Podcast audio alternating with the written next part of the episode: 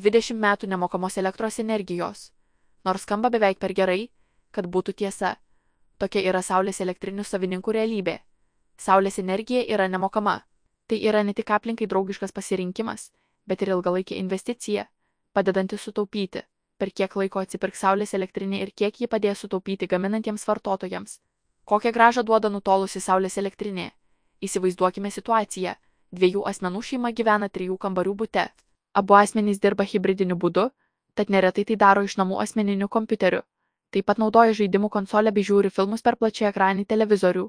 Per metus ši pora sunaudoja vidutiniškai 1500 kWh, kiek ši šeimos ūkis galėtų sutaupyti įsigiję Saulės elektrinę. Šiuo metu elektros energijos kaina rinkoje siekia apie 0,28 eurus kWh, tad už sunaudotą elektrą rinkos kainomis pora sumoka 420 eurų per metus. Įsigijus Saulės elektrinę nutolusiame Saulės elektrinių parke, priklausomai nuo atsiskaitimo būdo, už elektros energiją išlaidos galėtų siekti 95-107 eurus per metus. Žinoma, prie to dar prisidėtų maždaug 20-30 eurų siekiantis metinis elektrinės priežiūros mokestis. Šis namų ūkis taip pat galėtų pasirinkti atsiskaitimą kilovatvalandėmis kiekiu pagal procentus 33 procentai. Tačiau tuomet reikėtų pagalvoti apie kiek galingesnę saulės elektrinę, kad namų ūkiui pakaktų sugeneruojamos energijos, mat jos gaminančiam vartotojui lieka 67 procentais. 1000 kWh per metus sunaudojančiam objektui įprastai reikalinga 1 kW elektrinė. 1 kW dalies kaina Saulės elektrinių parke metus siekia apie 1200 eurų, tačiam šeimos ūkiui reikalinga 1,5 kW elektrinė kainuotų maždaug 1800 eurus. Aplinkos ministerijos aplinkos projektų valdymo agentūros apva periodiškai skelbia kvietimus teikti paraiškas kompensacijai už įsirengtą Saulės elektrinę gauti. Parama teikiama Saulės elektrinėms iki 10 kW, o kompensacijos dydis siekia 323 eurus už 1 kW.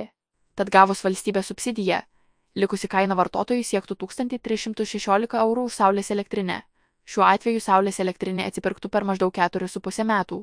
Likusį laikotarpį pora mokėtų tik elektrinės priežiūros bei eso mokesčius. Elektrinė ant savo stogo gali atsipirkti dar greičiau.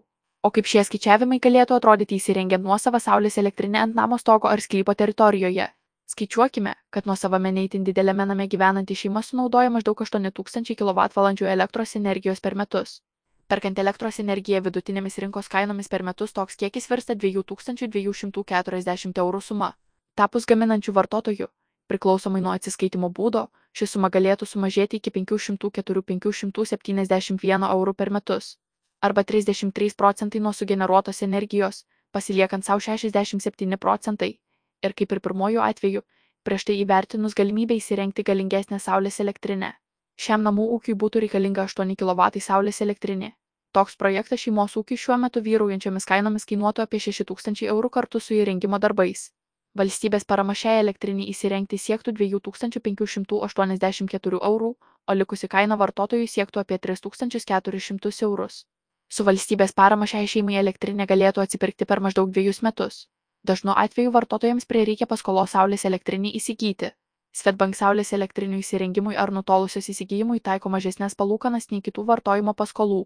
Tad vartotojai, kurie neturi pakankamai asmeninių lėšų įsirengti saulės elektrinę, gali pasinaudoti palankiomis skolinimosi sąlygomis. Skaičiavimai atlikti su gaminančių vartotojų kainomis, galiosiančiamis nuo 2024 metų pradžios. Dėmesio! Priklausomai nuo elektros kainų rinkoje bei saulės elektrinių kainų pokyčio sutaupytos sumos bei atsipirkimo laikotarpis gali kisti. Tikslius skaičiavimus individualiu atveju gali pateikti elektros tiekėjas ar saulės elektrinių pardavėjas.